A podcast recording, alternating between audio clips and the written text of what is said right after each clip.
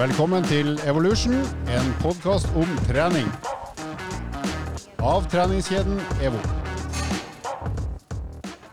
Vi kunne vært direkte inne fra VM på ski. Det er vi ikke.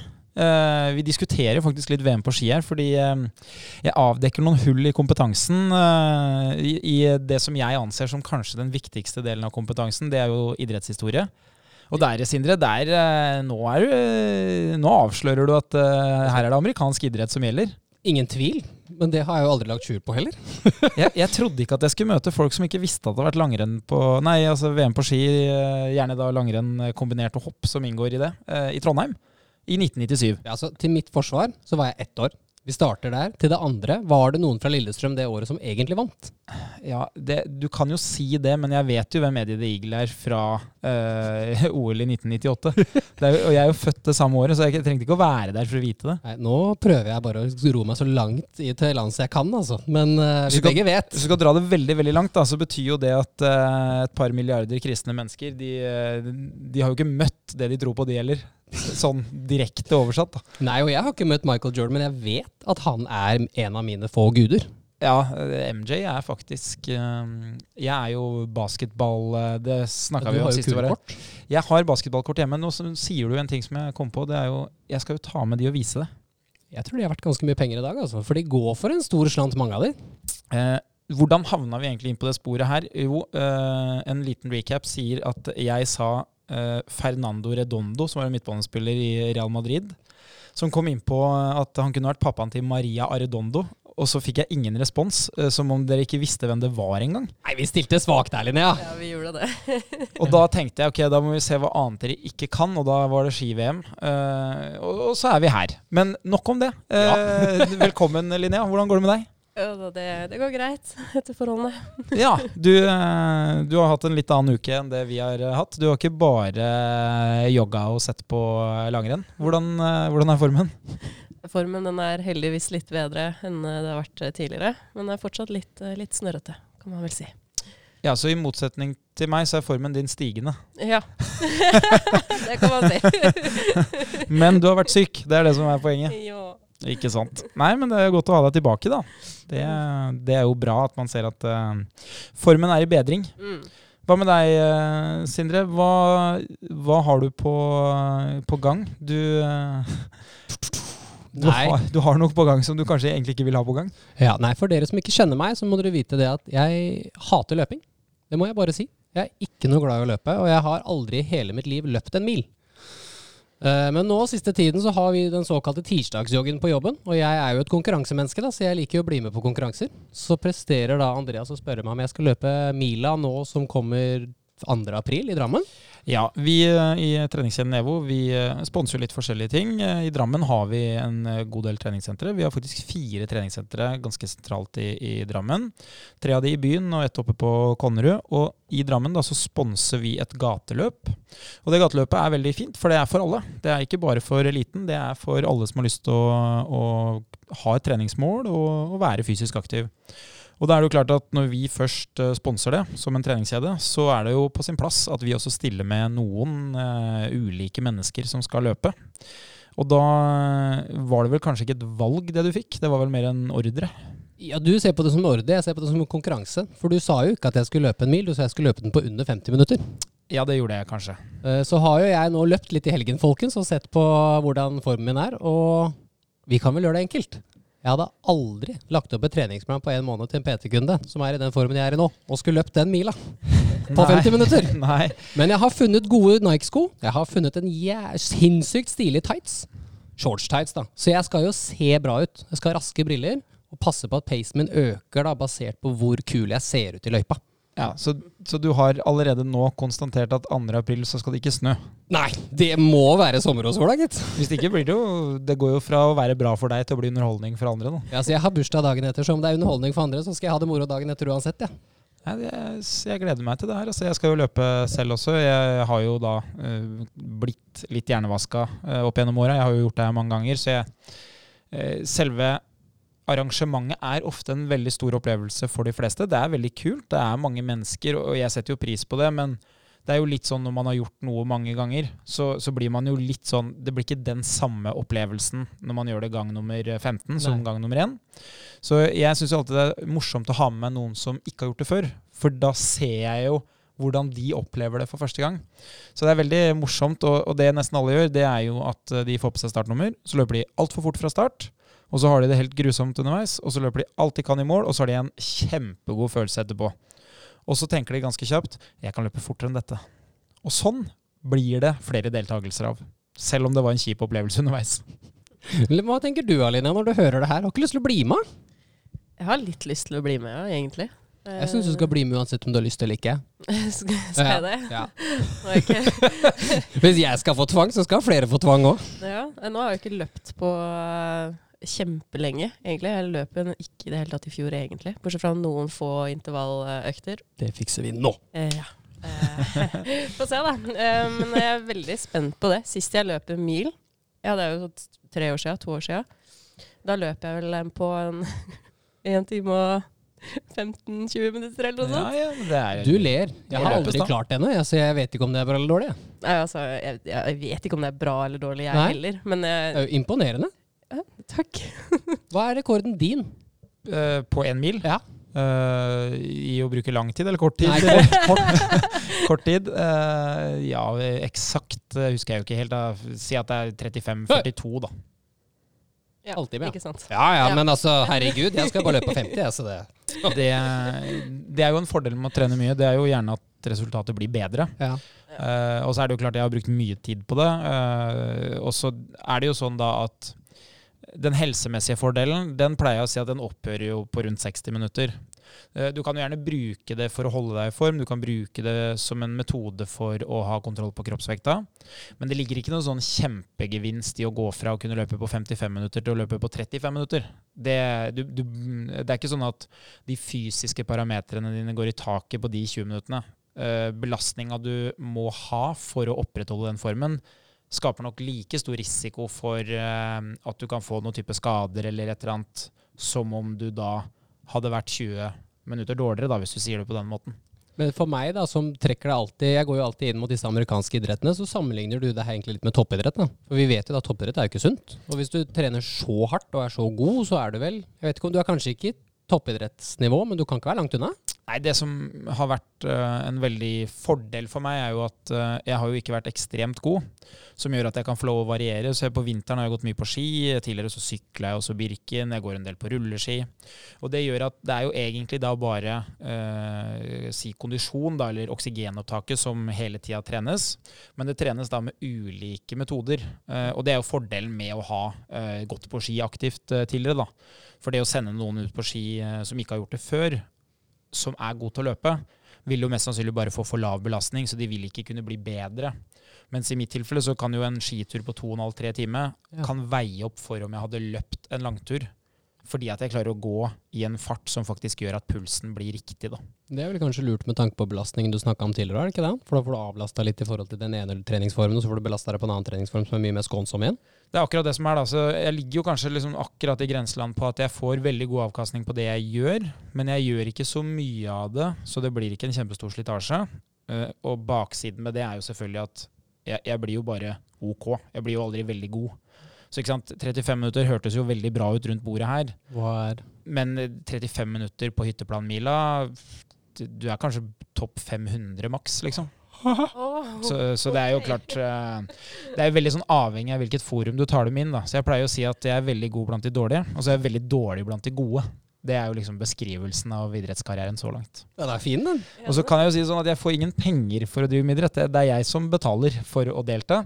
Men det gir jo meg en følelse av at jeg har kontroll på det å skulle trene, det å nå mål. Og så gir du noen fine opplevelser. da. Det å være i god nok form til å kunne f.eks. løpe til jobb om morgenen når sola står opp, uten at det er det verste jeg gjør. Eller at jeg kan gå på ski i tre timer i Nordmarka en dag hvor det er eh, sol og påskeføre, uten at jeg tenker at jeg skulle ønske jeg ikke var her. For, for det skjønner jeg jo hvis man er i dårlig form, at da er det jo ikke noe gøy. Så det, det er litt eh, effekten av å være i form, da. Men det er så inspirerende sagt, og det tror jeg det er mange her som burde tenke, litt, tenke seg litt om også. At det, det er egentlig litt av gulroten med å komme seg i god form. Det å være i god form gir så mange gode fordeler, som du sier der. da. Det er jo ting jeg, Sånn som jeg kunne aldri jogga til jobb. Men det høres jo veldig fint ut når jeg ser deg legge ut disse snapsene og jeg ser morgensolen. Ja, og det, det som skjer da ofte, er jo at hvis du kan komme deg fra der du er i dag, til det, så vil du ikke bare få opplevelsen, men du vil også få en selvtillit av at dette har jeg skapt selv. Dette er, ikke sant? Dette er på grunn av meg. Og så er det jo sånn da at det er to elementer som må være på plass nesten for å få det til. Det ene det er at jeg jo har hatt noen skrekkelige opplevelser i starten. Jeg har gått Birken, som er over fem mil langt, og etter ni kilometer så var jeg egentlig ferdig. Hadde de satt eh, mål der, så hadde det, det hadde vært en perfekt ni kilometer. For det var det formen min tilsa på ski den første gangen. Og så har jo jeg gått Birken ni ganger etterpå. Og, når folk spør hvor fort går du Birken, så går jeg jo Birken fort nå, sammenligna med de fleste. Men første gangen så var jeg jo verken god eller god til å gjennomføre. Og det var jo en skrekkelig opplevelse, egentlig. Anser du det som at du feila? Nei, jeg hadde jo Mislykka du på en måte det på den første? Jeg hadde ikke peiling. Jeg, det jeg gjorde da, var jo at jeg har jo drevet med lagidrett, jeg har spilt fotball, jeg har drevet med skiskyting. Ikke sant? Jeg har jo hatt god kondisjon, men jeg har jo aldri gått noe langløp klassisk. Så man undervurderte jo bare hva det krevde. ikke sant? Eh, og treningsgrunnlaget mitt tilsa jo at 9 km i den farta, det var helt riktig. Så det, det var jo en kalkulert krasj som jeg ikke så. Og det samme har jeg jo hatt på maraton, f.eks. Første gang jeg løp maraton, så kom jeg halvveis. Da måtte jeg bare gå i mål. Da var det helt eh, Da begynte jeg å bli neseblod på 20 km og var svimmel og måtte bare hoppe av. Og, og eh, det virker jo for de fleste som at ja, men det er jo lett for deg fordi du elsker å trene. Men det som ofte skjer, da, det er at når du får de opplevelsene, så finnes det to alternativ. Én, jeg gjør det aldri igjen.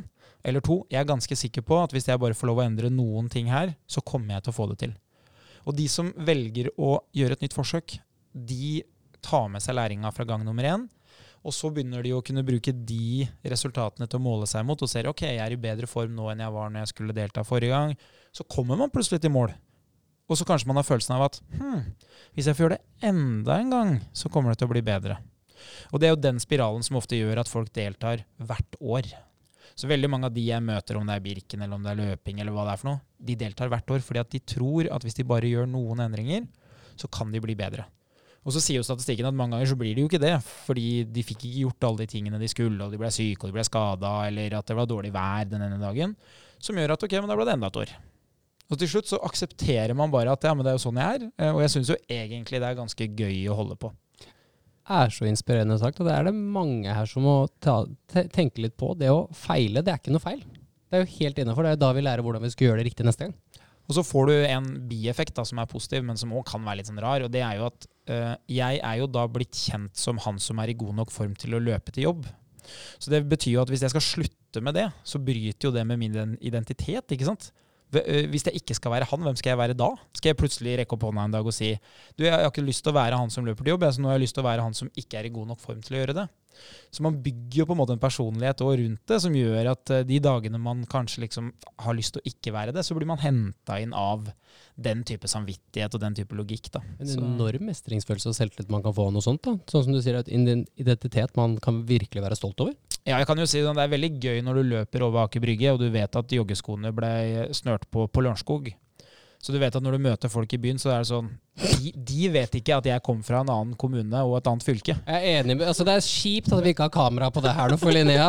Det ansiktsuttrykket du lager der, you and me both, fra Lørenskog til Aker Brygge, det er fett! Det er jævla kult! Ja, det er jo det er jo morsomt, men jeg vil jo si at eh, man må jo ikke se på hvor jeg er, man må jo se på hvor man starta, ikke sant. Og, og alle kan eh, klare å løpe et par hundre meter.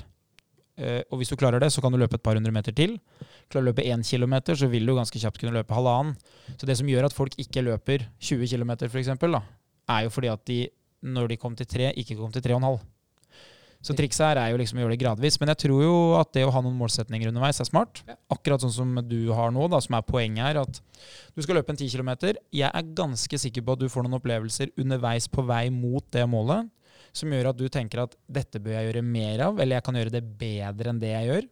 Så jeg er ganske sikker på at hvis vi klarer å komme oss til start, du kommer deg gjennom, og fordelen med 10 km, da, det er at alle kan gå 10 km. Altså ikke alle, men, men alle som har meldt seg på 10 km løping, kan komme seg til mål. Med mindre det er noe veldig spesielt med den som skal delta. Som gjør at om du, om du setter av gårde i 40 meter fart, Som ville vært helt idiotisk. Det er poenget mitt. At du, du løper alt du kan, og så er dessverre løpet Da går det fort over. 9960 meter til. Så vil du kunne gå resten. Så du kommer til mål. Mens på en maraton f.eks., du må ikke melde deg på maraton uforberedt. fordi da kommer du ja, Du kan jo gå, men skal du gå på fem km i timen, så er det over åtte timer. Da, da slokker de lyset kanskje før du får lov å gå i mål. ikke sant? Ja. Mm. Så 10 km, veldig fint. Eh, og så er det også overkommelig å bli veldig mye bedre. Hadde du sagt nå at nei, jeg har meldt meg på en halvmaraton eller maraton, så begynner det å bli så langt at vi må trene på å tåle å gjøre det vi skal gjøre, uavhengig av form. Yes. Mens nå vet vi jo at bare vi jobber med form, så vil du jo etter hvert begynne å dekke et volum som gjør at uh, du òg kommer til mål. Det her skal bli moro, folkens. Ja. Vi får se. Ja, det tenker jeg òg. Det. det er det de sier. Men uh, det kommer nok noen nedturer underveis. Det vil det alltid gjøre. Brystet eller bæret, det skal faen meg gå. Ikke sant. Men vi skal snakke om noe helt annet i dag, vi. Uh, nå har vi vært innom 10 km og sykdom, og så har vi vært innom eh, Fernando Redondo og Maria Redondo. så vi plutselig begynte å snakke om min løping, som egentlig ikke var poenget her i det hele tatt. Eh, så jeg pleier å si at jeg vet at det er spesielt og syns det er gøy å løpe langs veien. Så det er ikke sånn at jeg mener at alle andre skal gjøre det. Men eh, jeg gjør det fordi jeg vil, ikke fordi jeg må. Det er jo poenget. Så la oss gå til det som egentlig er dagens tema. Det er noe jeg har prøvd. eh, Jeg har også fått det til. Jeg gjør det veldig lite, det må jeg si. Og det er rumpetrening. Dette er en av de få tingene som jeg, jeg kan mer om enn jeg praktiserer. Det, det må jeg tørre å påstå at eh, gjennom utdannelse og, og jobb som PT, så kan jeg mer enn det det både ser ut som på kroppen min. For, for det ser ikke ut som at jeg bruker opp tida mi på det her. Eh, og jeg gjør det heller ikke. Så la oss eh, gå videre.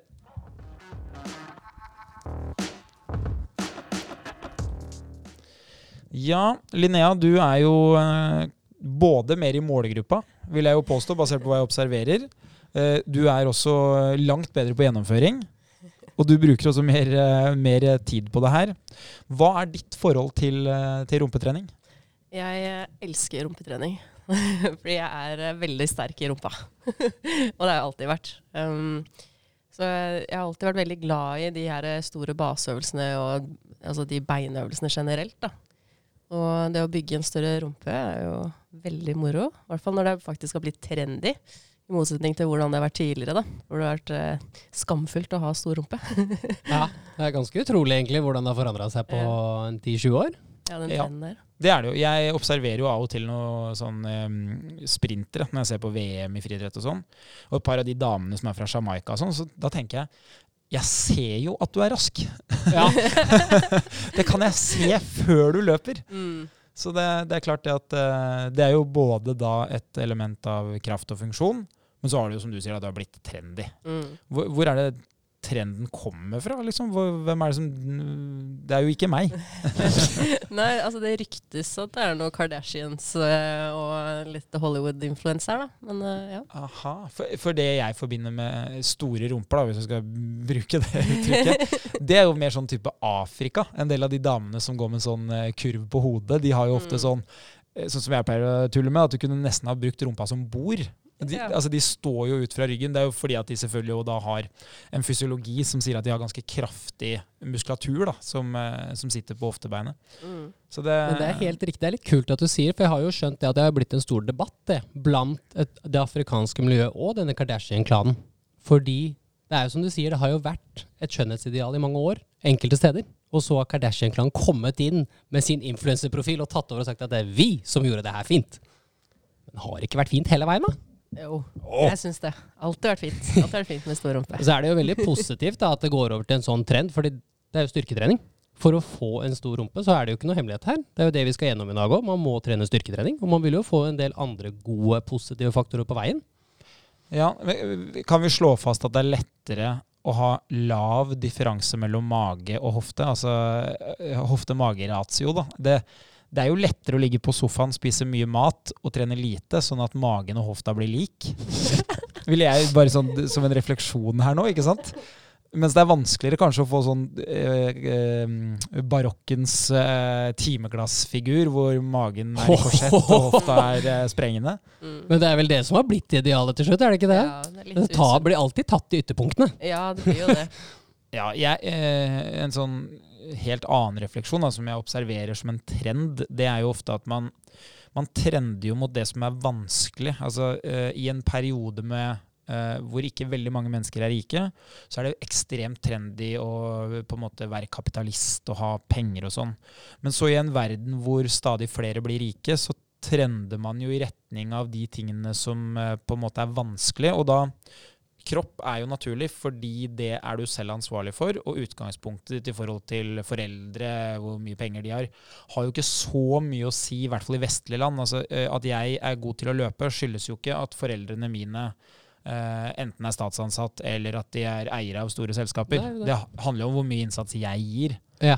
Mm. Uh, og det ser man jo en trend til nå, at liksom kroppen blir en viktigere eiendel enn det materialistiske, fordi veldig mange kan kjøpe veldig mye. Mm. Det var et veldig godt, det var en veldig kul refleksjon. Jeg er helt enig. Plutselig blitt litt filosofisk av meg her. Ja. Nei, men jeg har tenkt litt på det fordi eh, vi prøver jo liksom gjennom markedsføringa av treningskjeden EVO da, å finne ut hva, hva er det man higer etter. Og, og det vi ser, da, det er jo at uh, det å ha kontroll over egen fysikk, det er plutselig blitt et gode. Ikke sant? Det, det er jo kjipt, da, for det betyr jo også at man skaper et klasseskille hvor liksom du får det til, eh, jeg får det ikke til. Ok, da har du høyere verdi enn meg. Som overhodet ikke er riktig, og som ikke er bra for samfunnet heller. Og det er i hvert fall ikke bra for yngre mennesker. Helt enig. Mm. Men at det trender i den retningen, det må man jo på en måte Kan jo ikke legge det under en stein. Nei, det, det kan man ikke. Så, så det, det er jo både bra og dårlig. Men fordelen da, det er jo at uh, i jakten på mer trening, uavhengig av hva som er motivet, så får man mer kunnskap. Ja. Og det er jo det vi ønsker å, å dele. Så det vi har gjort i dag, er at vi har uh, tatt fram ti ulike øvelser som alle har som uh, hensikt å trene rumpa. Mm. Noen av de inngår jo i ditt uh, treningsprogram, uh, Linnea. Andre er jo funnet fram og børsta støv av. Noen av de er funnet på forsida til Instagram, som jeg pleier å si. I hvert fall på forsida av den Instagrammen min. Der, det er noen algoritmer som sier at uh, du er glad i trening. Og hvis du ikke er glad i trening, så er du fryktelig glad i fotball eh, eller løping. Det er liksom de tingene. Men eh, av de kundene du trener, da, eh, du sier at du er glad i rumpetrening sjøl. Er det mange som kommer og har et ønske om å bli sterkere i rumpa, eller som ønsker mer kunnskap om rumpeøvelser hos deg? Um, det er, eh, de fleste pleier å bare spørre om, om de kan få større bein og rumpe.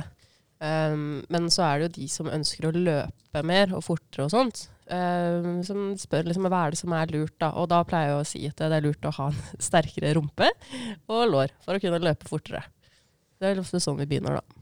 Det har, det har virkelig endra seg. for jeg husker sånn, når jeg starta som PT, da, nå er jo det, det er jo godt over ti år siden, da kunne det være sånn Jeg ønsker mindre rumpe, så jeg vil ikke gjøre så mye styrkeøvelser, for da vil jo rumpa mi bli stor. Mm. Som egentlig er ganske vanskelig å få til. Bare sånn at vi har Ja, dokumentert det, er at eh, viktig, det er et viktig poeng. Ja. Eh, Hvis, eh, hvis du trener én gang i uka og frykter større muskler, så kan jeg si at jeg har prøvd å trene fem-seks dager i uka med styrke, og, og det har jo ikke, det har jo ikke gjort meg kjempestor. Det er ingen av oss som ser ut som bodybuilder, Andreas. Nei, så, så det vi poengterer her er jo at hvis du skal bli stor, som i da mye muskler, så Mm. da, det krever vanvittig mye trening. altså. Og det er jo den klassiske treningsmyten som gikk spesielt veldig mye med for ti år siden. Trener du styrke, blir du stor. Veldig mange jenter som fryktet det tidligere. Det er jo som du sier, da. Det er mange år og dedikasjon. Det, på en måte, det tar jo bort litt av altså den, det arbeidet som er lagt inn for de som faktisk har fått det til. Det blir jo på lik linje som å si at det er lett å løpe maraton. Mm. Så har jo du forklart oss nå tidligere i episoden at det krever mye forarbeid. Og det gjør det også å få en stor rumpe. Det Mm. kommer ikke over natta, eller store muskler generelt. Ja. Det krever mye arbeid. Ja, og er jo, nå er det jo faktisk mange som er livredde for å få større overkropp av jenter. Så det er ofte at når man slutter å trene overkropp og bare trene bein, så har jeg fått inn noen unge eh, kunder da, som eh, har liksom slitt mye med skuldersmerter og, og armer og bein, at de er svake i toppen. da. Men eh, veldig sterke i beina, for de eh, trener jo bare beinpress og de her eh, store rumpeøvelsene og beinøvelsene. da. Du Det går, er jo ikke- litt du går sånn. ikke for mine klassiske øvelser, da? Biceps curl og benkpress? Nei, det, det er de livredde for. They're missing out. Ja, for da sier de til meg sånn Nei, jeg vil ikke gjøre, jeg vil ikke gjøre sånne biceps curls sånne der, eh, store sånn benkpress og sånt, for jeg har ikke lyst til å få så store ja, Brystmuskler og- brystmuskler og sånt. da. Og miste puppa og sånt. Nei, nei, det skjer ikke. Det skjer ikke. Det er ikke så enkelt! Nei. Anabole steroider hadde jo den effekten eh, for en del østtyske og russiske utøvere. Er det sant? Ja, de, de damene blei jo mer maskuline. Det var jo ikke noe hemmelighet. Jeg har sett noen bilder av de fra gamle Er det 70-tallet OL og sånn. Ja, du kan vel dra det helt ut på 90-tallet. Det er noen ganske ja, men det er noen verdensrekorder i friidrett òg, hvor du tenker sånn Ja ja. Det, Det var den rekorden. hvem er den beste etter 2000, da? Det er litt, eh, det er litt viktigere. Nei, men Det er jo et eh, godt poeng, eh, Linnea, at de faktisk da ikke trener overkroppen. Som er egentlig ganske dumt, da, fordi Mm. du vil ikke få så mye større muskler. Eh, Det vil være bra for deg. Og det vil også kanskje være bra for en del av rumpeøvelsene, fordi de krever jo litt mer kraft i overkroppen. Ja. Så det, det er jo litt synd, da. Men det er jo det er egentlig den samme mentaliteten man har funnet i, i langrenn, i løping, i sykling i mange år. At man skal bare la ting råtne på rot. Fordi at man skal Altså man frykter da at det vil ø altså øke kroppsvekta. Men der har jo idretten revolusjonert seg. Så nå ser man jo langrennsutøverne nå. De, de trener jo styrke. Eh, tung, tung maksstyrke. Eh, for eksempel, det er jo ikke uvanlig å se vi- video av både Marit Bjørgen og Therese Johaug som kjører da type sånn eh, chins, chins eller pullups eller kroppsheving, da, som det heter, med vekter hengende i et belte rundt midja. Det er ganske rått, da. Og det, det var helt utenkelig før i tida. Det var ikke så utenkelig for en del menn eh, 60-, 70-, 80-tallet. Eh, kanskje ikke så sent som 80-tallet, men i hvert fall sånn type 50-60-tallet. Da var jo mange av langrennsløperne var jo da i skogen. De var, de, eh, var vedhuggere, rett og slett. Gjorde bevegelser som ligna på skigåing, og fikk jo veldig mye kraft i overkroppen. da.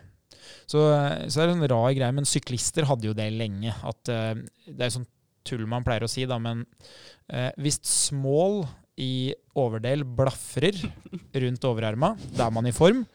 Og det tykkeste på arma bør være albueleddet.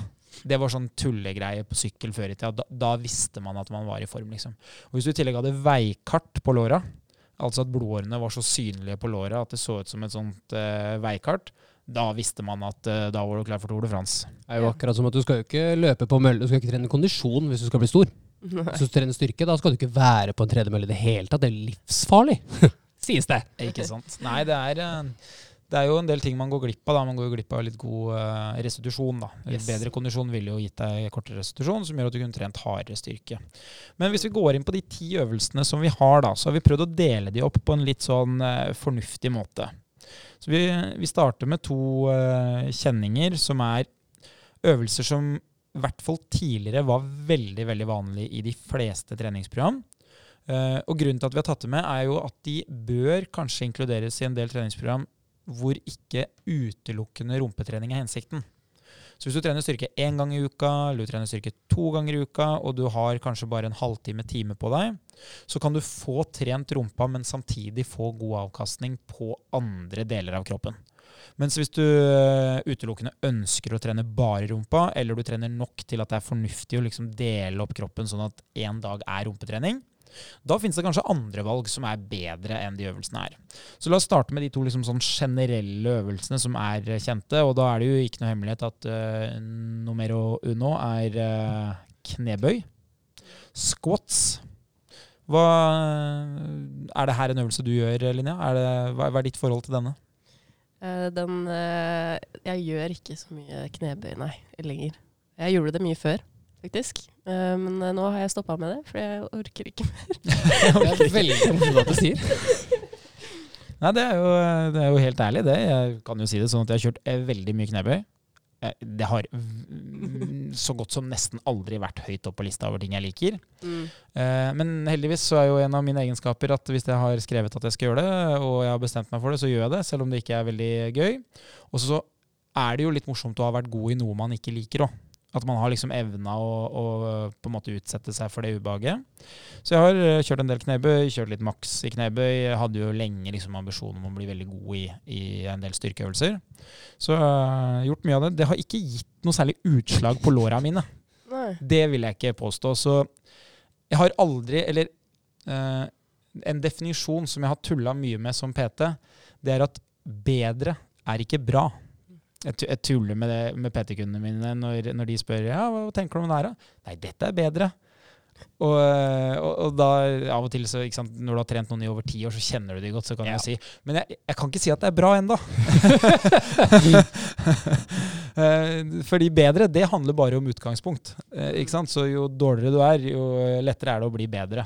Ja. Så jeg har kanskje hørt at noen har sagt at uh, låra dine har blitt større, men jeg har aldri hørt at noen har sagt at låra mine er store. Det har jeg ikke. Så, eh, og, og det er jo da et bevis på at uh, volum og kraft, som egentlig går ganske hånd i hånd, jo mer volum, altså jo, jo større musklene er, jo mer kraft kan man skape, egentlig. Men det er ikke alltid sånn at det er én til én. Så i mitt tilfelle så betyr jo det at eh, fra å nesten ikke kjøre knebøy til å kunne kjøre 150 kg i, i maks, som jeg har, eller har, eh, har hatt, er definitivt riktig eh, definisjon, så har ikke det gjort at jeg fikk veldig store lår. Så det bare viser da at du kan trene veldig, veldig mye, bli veldig sterk, eh, få ganske tydelig muskulatur, men i eh, tverrsnitt eller da i volum så trenger det ikke å bli så mye mer. Så det var ikke sånn at jeg måtte kjøpe nye bukser, for å si det sånn. Det ble, det ble ikke trangere rundt uh, kneleddet av den grunn. Det Tar tid. Det tar veldig lang tid. Så knebøy har jo noen fordeler. Hva vil du eh, si, Sindre? Du, du bruker jo knebøy i treningsprogrammet til en del av kundene dine, og Ja. har gjort det i lang tid. Hva, hva er fordelen med knebøy? Jeg synes jo at det, det har jo mange gode fordeler med knebøy, men vi kan jo først ha en begrensende faktor jeg ofte møter med flere av kundene mine, og meg sjøl. Det er jo at man er veldig stiv i enkelte ledd. Eh, Så det vi ofte gjør da, for å få god telling på en knebøy, er at vi f.eks. kjører en oppbygd hæl. På enkelte av EVO-sentrene har vi jo en sånn et liten Kall det en planke, som er liksom ment at du kan stå litt høyere på hæla, som gjør at det er lettere å gå ned i dybden på knebøy. Men fordelen her er jo at du har Det er jo krav til stabilitet. Du får belasta ryggen og ryggstrekkerne i tillegg. Så det er jo ikke bare en øvelse for, for lår og rumpe, men det er jo også en del for korsrygg, for stabilitetsmusklene. Så jeg er jo veldig fan, og for oss da, som du sier at jeg bruker en del på kundene, og det gjør jeg jo, jeg bruker det på kunder som har lyst til å bli sterke, men også har lyst til å hoppe høyere. Mm. Så du har jo en del fordeler for det her for oss som har lyst til å bli spenstig.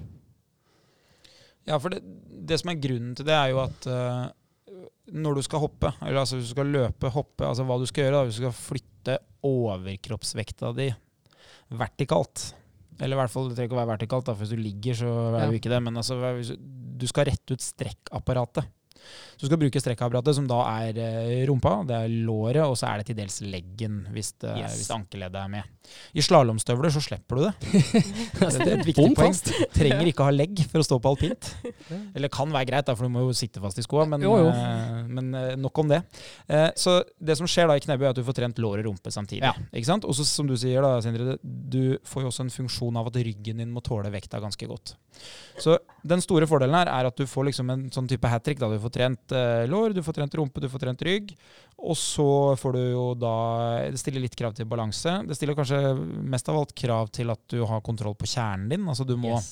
du må stive av, fordi mellom hofta di og eh, skuldrene hvor stanga ligger, Så er det så er det jo noe som må passes på. Så både magen og ryggen må liksom uh, sørge for at ryggsøylen ikke bøyer seg. For hvis ikke så vil det jo se ut som en fiskestang. Og da vil den stanga kanskje bli litt vanskelig å, å ha liggende på nakken. Ja. Ikke sant? Så i knebøy, eh, om du kjører bak eller foran, så vil det bli veldig vanskelig uten at kjernen er stabil. da. Så det, det er jo det, på en måte det du får, da. Så derfor så er det mange som sverger til knebøy. Så har du jo en kjempemulighet til å ha høy ytre belastning.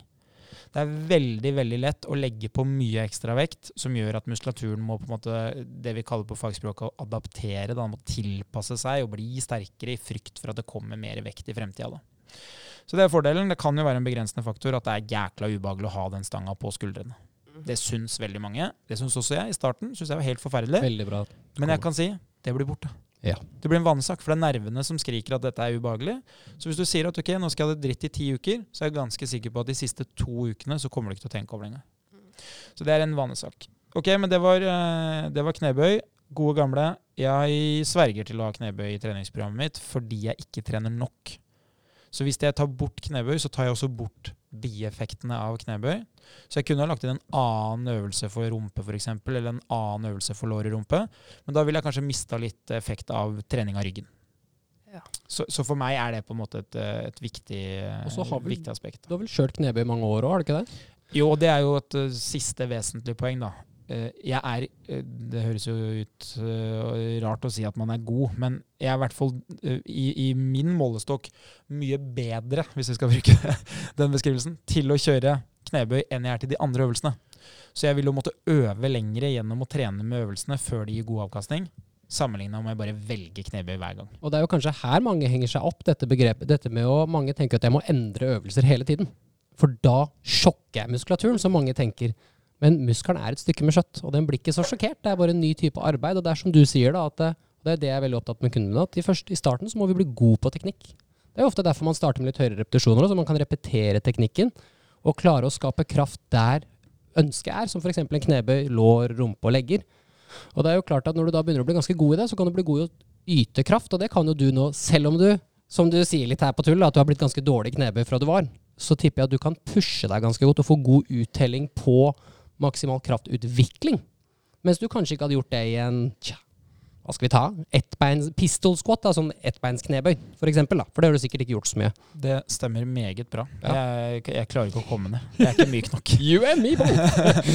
Men eh, nei, det er jo et veldig godt poeng. Så man, man er jo langt bedre til det man har gjort mye av. Da. Eh, Og det, er, det du er inne på nå, det er hovedgrunnen til at utrente blir veldig godt trent. Altså de blir ikke godt trent, men de blir mye bedre. Igjen. Mm. De blir bedre. Eh, Det er derfor de får en, eh, en rakettutvikling i starten. Det er ikke fordi at de plutselig ble dobbelt så sterke.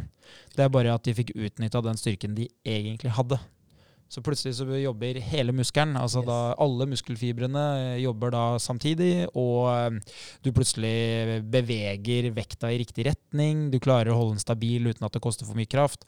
Så du får en sånn kjempeutvikling i starten bare fordi at du rett og slett klarer å benytte da den styrken som du egentlig hadde, men som du ikke fant fram. da.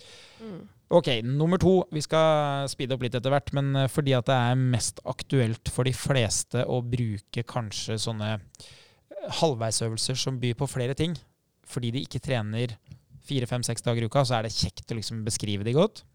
Eh, hvis vi går over til den andre klassikeren, da, så er det type markløft. Og da har vi observert på treningssentrene at sumo markløft, som er da bare en avart av markløft hvor du står med beina bredt og har henda på innsida av beina, det har blitt ganske poppis. Det var en lang periode så var det det alle gjorde for å trene rumpa. Hva Er det noe som er i ditt treningsprogram eh, til tider? Eh, Sumo markløft er, har ikke vært i mitt program eh, på en stund. Men eh, det var en som jeg likte veldig, veldig godt. Og en av grunnene til at den ikke har vært i programmet på en stund, er fordi jeg ikke oppdaga sånne flaps eller straps til hendene mine. Har du blitt blitt for sterk? Jeg har blitt for sterk i beina. Meget er godt viktig. poeng. Så der, der beskriver du jo, ikke sant. Øvelsen er jo da type markløft. Du går dypt ned med hofta, som gjør at du får en rett rygg. Og så kan du ha veldig høy ytrebelastning her òg. Det er jo lett å løfte mye, Mm. som ofte er litt motiverende og morsomt. Men så nevner jo du eh, den kanskje viktigste begrensende faktoren i tillegg til type overkropp, da, ikke sant? rygg og, og skuldre. Det er jo rett og slett at du klarer ikke å holde den vekta som beina dine klarer å presse. Mm. Og da må du på med sånn eh, type fangere som fanger stanga for deg i sånne små tau, holdt jeg på å si. Det er sånne straps som heter. det. jeg er helt enig, det var en fin forklaring. Ja. Jeg, jeg prøver alltid å eh, snakke også til de som eh, ikke har vært mye på treningssenteret, og som ikke har peiling, men det er jo remmer da, som gjør at du kan eh, rett og slett nesten knyte deg fast i stanga, Mm. som gjør at det i hvert fall ikke er styrken i klypa di som, som er begrensende faktor. ja. Og da eh, er det jo avhengig av om du deltar i utstyrsfritt mesterskap eller ikke, om det er lov å bruke ekstra virkemidler. Men eh, man kan jo si det sånn at for kroppen, for belastninga, så er det ofte fint at det fins begrensende faktorer. Så eh, med mine kunder så har jeg ofte tenkt sånn at hvis de ikke er sterke nok i klypa, så er det egentlig en fin begrensning til at ikke vi skal gå videre med belastninga. Mm. Mens jeg har jo til dels brukt det sjøl fordi at målet har vært å løfte mest mulig i et maksløft. Og da er det kanskje det som gjør at jeg kan få bitte litt høyere belastning enn om jeg ikke hadde gjort det. Mm. Så, så det er jo, men så er det morsomt når du først har brukt det litt, så blir det ikke noe bedre. Fordi du avlaster jo klypa di, så du blir jo bare lenger og lenger unna å tåle å holde den vekta som du egentlig kan. Så når du først har begynt på den ferden, så er det vanskelig å hente seg inn igjen. Altså. Ja, absolutt. ja. Sindre, kjører du noe sumo markløft? Jeg har jo observert deg gjøre det Ja. tidligere. Gjør du det nå fortsatt? Ikke der jeg er akkurat nå, men det er fordi det ikke det går ikke overens med målet. Jeg er jo egentlig, så spiller jeg jo basket, og egentlig er i en sesong. Eh, men vi er jo ikke på det høyeste nivået, så her går vi litt fram og tilbake, og vi skader oss litt, og det går jo litt ymse. Så jeg har jo sørga for at jeg går kun for de øvelsene jeg har gjort lenge, så det ikke skal koste meg mer restitusjonstid enn nødvendig. Men jeg er egentlig veldig glad i sumo markløft, for jeg får jo skapt mye kraft. Eh, og på lik linje igjen så er det dette her med den, å skape kraft oppover og skape kraft i hofta. Det er jo noe vi som har lyst til å hoppe høyt og hoppe langt, jobber mye med. Så det har vært en fin måte for oss å kunne virkelig sk- altså bli god på kraftutvikling, rett og slett. Så er det gøy å bli sterk, da. Mm. Ja. Det er jo morsomt. Eh, Dette er også en øvelse som trener låret, da. Så, så Ja, stor begrensende faktor for rumpa. Og og det er jo det som er litt spesielt, fordi det er lett å tenke at ok, men her er jo kjempesterk, så dette er jo bra for rumpa. Men det som egentlig er litt sånn avgjørende for effekten rumpa får, er jo hva er differansen mellom kraft du kan generere i kneleddet, som da låret må gjøre, og den krafta som du kan generere da i hofteleddet, som rumpa må gjøre. Og det er klart at hvis du i et helt øh, hypotetisk tilfelle hadde vært kjempesterk i rumpa og i hofta da, til å rette ut hofteleddet ditt, og du hadde vært nesten ikke kapabel til å rette ut kneleddet når du står, så ville en sånn type øvelse ikke gitt treningseffekt på rumpa i det hele tatt. Yes.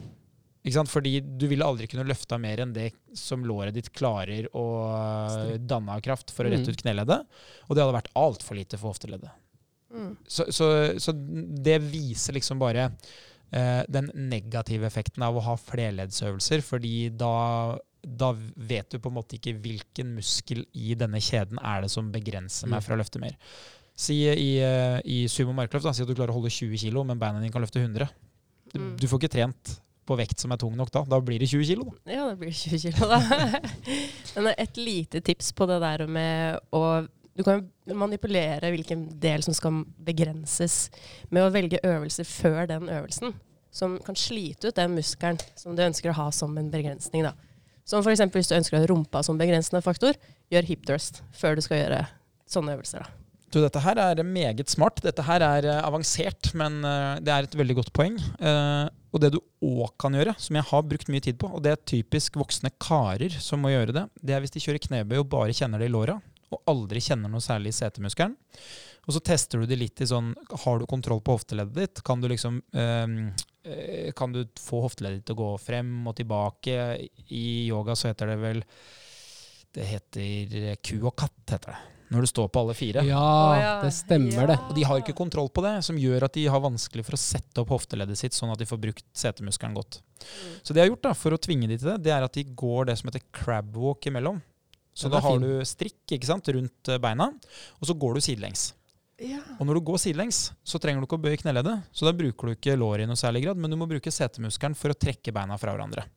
Så når de da går inn og skal kjøre knebøy, så har jo da låret fått lov å hvile i pausen, og det har jo blitt mye brukt, for det er jo det de bruker, faktisk.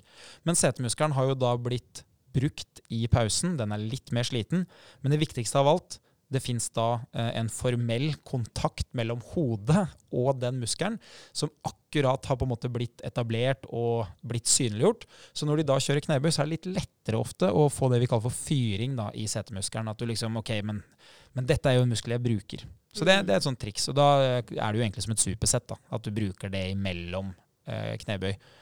Som egentlig ikke er å anbefale i mange øvelser. Fordi det begrenser jo hvor mye du klarer å få til når du Ja, sliter ut muskelen. For det var akkurat det jeg skulle spørre deg om. Gjør du dette her litt som teknikktrening i starten?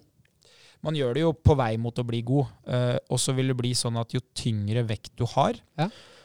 jo større belastning vil du egentlig skape i hofteleddet, fordi den vekta du legger på, ligger foran tyngdelinja. Så en person som kjører knebøy med 60 kg, vil veldig ofte kjenne det mer i setemuskelen enn en som kjører med 10 kg. Fordi at vekta eh, blir plassert oppe på kroppen foran tyngdelinja, som gjør at eh, hofteleddet må jobbe mer. Dette er jo ofte noe jeg sier til kundene mine. Det er jo mange som ser oss, se for ser PT-en sin gjøre en øvelse, og så tenker de ja, det er sånn det skal gjøres. Så prøver man selv, så er det som sier da, det er begrensende faktorer som man får det ikke til. Og jeg sier til absolutt alle, gi det ti uker. Vi trenger ikke å første, men gi det ti gode uker nå. Så skal jeg garantere at det her kommer til å bli så mye lettere. Og det er som du sier det er jo ikke på uke ti det skjer. Det skjer lenge før. Så det, det er jo sånne små triks man kan ta med seg, men det er jo bra. Hvilken øvelse du kjører før, eller om du kjører noe underveis, vil jo påvirke det veldig mye. Da har vi kommet oss fra liksom de generelle øvelsene og inn i de kall det litt mer sånn isolerende, det som er mer rumpetrening. Det som er eh, i ethvert rumpetreningsprogram eh, i dag. da. Og da den første av de isolerende, eh, hva vil du ha der? Da vil jeg ha hip thrust. Ja, Ja. Er det en øvelse du kjører mye? Eh, Det er på programmet mitt, ja. Det er på programmet. det er på programmet, ja. Ja. Hip thrust er jo da en øvelse hvor du prøver å fjerne bruken av låret til en viss grad. Altså Man bøyer ikke kneleddet så mye, men til gjengjeld så er det jo hofteleddet som skal jobbe. Mm. Og øvelsen gjøres jo veldig ofte ikke horisontalt som knebøy, altså stående, men den gjøres liggende. Og da er det jo gjerne overkroppen på en benk, beina i bakken, stang over hofta, og så skyte hofta opp, sånn at du løfter vekta. Og så er det en genial person eh, fra Østfold som har kommet på den ideen at la oss lage et apparat som gjør akkurat dette, som gjør at du slipper å drive og styre med den stanga og den benken som av og til har litt lyst til å stikke av bak deg og sånn. Og det, det heter da for booty builder. Jeg er veldig fan av ting som er selvbeskrivende. Booty builder, det, det blir ikke mer eh, beskrivende, i hvert fall på engelsk, da enn det. Nei, det er helt enig med deg. Så der kan du jo da i teorien det, Nå finnes det jo flere, da. så Nå finnes det jo både med vekter og det finnes jo med oppsett for stang, tror jeg. Men, men den gode gamle, det var jo sånn Da kunne du bare feste setebeltet. Så var det magasin, ikke sant? så du bare stakk den pinnen inn på den vekta du skulle ha. Og så var det bare å dra til, holdt jeg på å si. Støte til, heter det vel da. sånn Og det verste er den, men den er jo mye lettere å gjennomføre òg, for det blir så mye, mye lettere forklarlig. Mange som kjører hipthrust med stang, så er jo ofte en begrensende faktor å få stabilitet på den stanga, og ikke minst dette med at det er ubehagelig på hofteleddet. Mm. Så man bruker kanskje Jeg ser jo mange bruker disse store putene, og der blir ofte begrensende faktor at nå mister vi jo stabiliteten. Så da må vi først øve mye på det. Så ser jeg noen som bruker en tynnere pute, men da får de for vondt. For det, du blir veldig sterk i hip thrust veldig ofte. Mm. Så en beautybilde har du et stort sikkerhetsbelte, det er jo ikke tull. Det er som et sikkerhetsbelte, og den sitter mye lettere å gjennomføre. Hvor mye tar du i hip thrust? Det er jo sånn teit spørsmål man spør om i benk til gutter 16. Men hvor, hva, hva er det man løfter der? Er det 10 kilo? Er det 100 kilo? Hva, hva er vanlig, liksom? Um, vanlig vet jeg jo ikke, da. Det er jo kanskje, jeg, i hvert fall ligger på en eh, 140, tror jeg. I, 140 kilo. Ja, i vanlig hiptors da, med stang. Så du flytter noen vekter da for å gjøre den øvelsen her. Ja, Ja. det er sinnssykt slitsomt, og derfor er det så digg med den bootybilderen. For da slipper jeg å rigge opp så mye. Da kan jeg heller bare gå på litt. Men jeg tar litt mindre, da. Mye mindre på bootybilderen enn jeg gjør på vanlig hip thrust. Ja.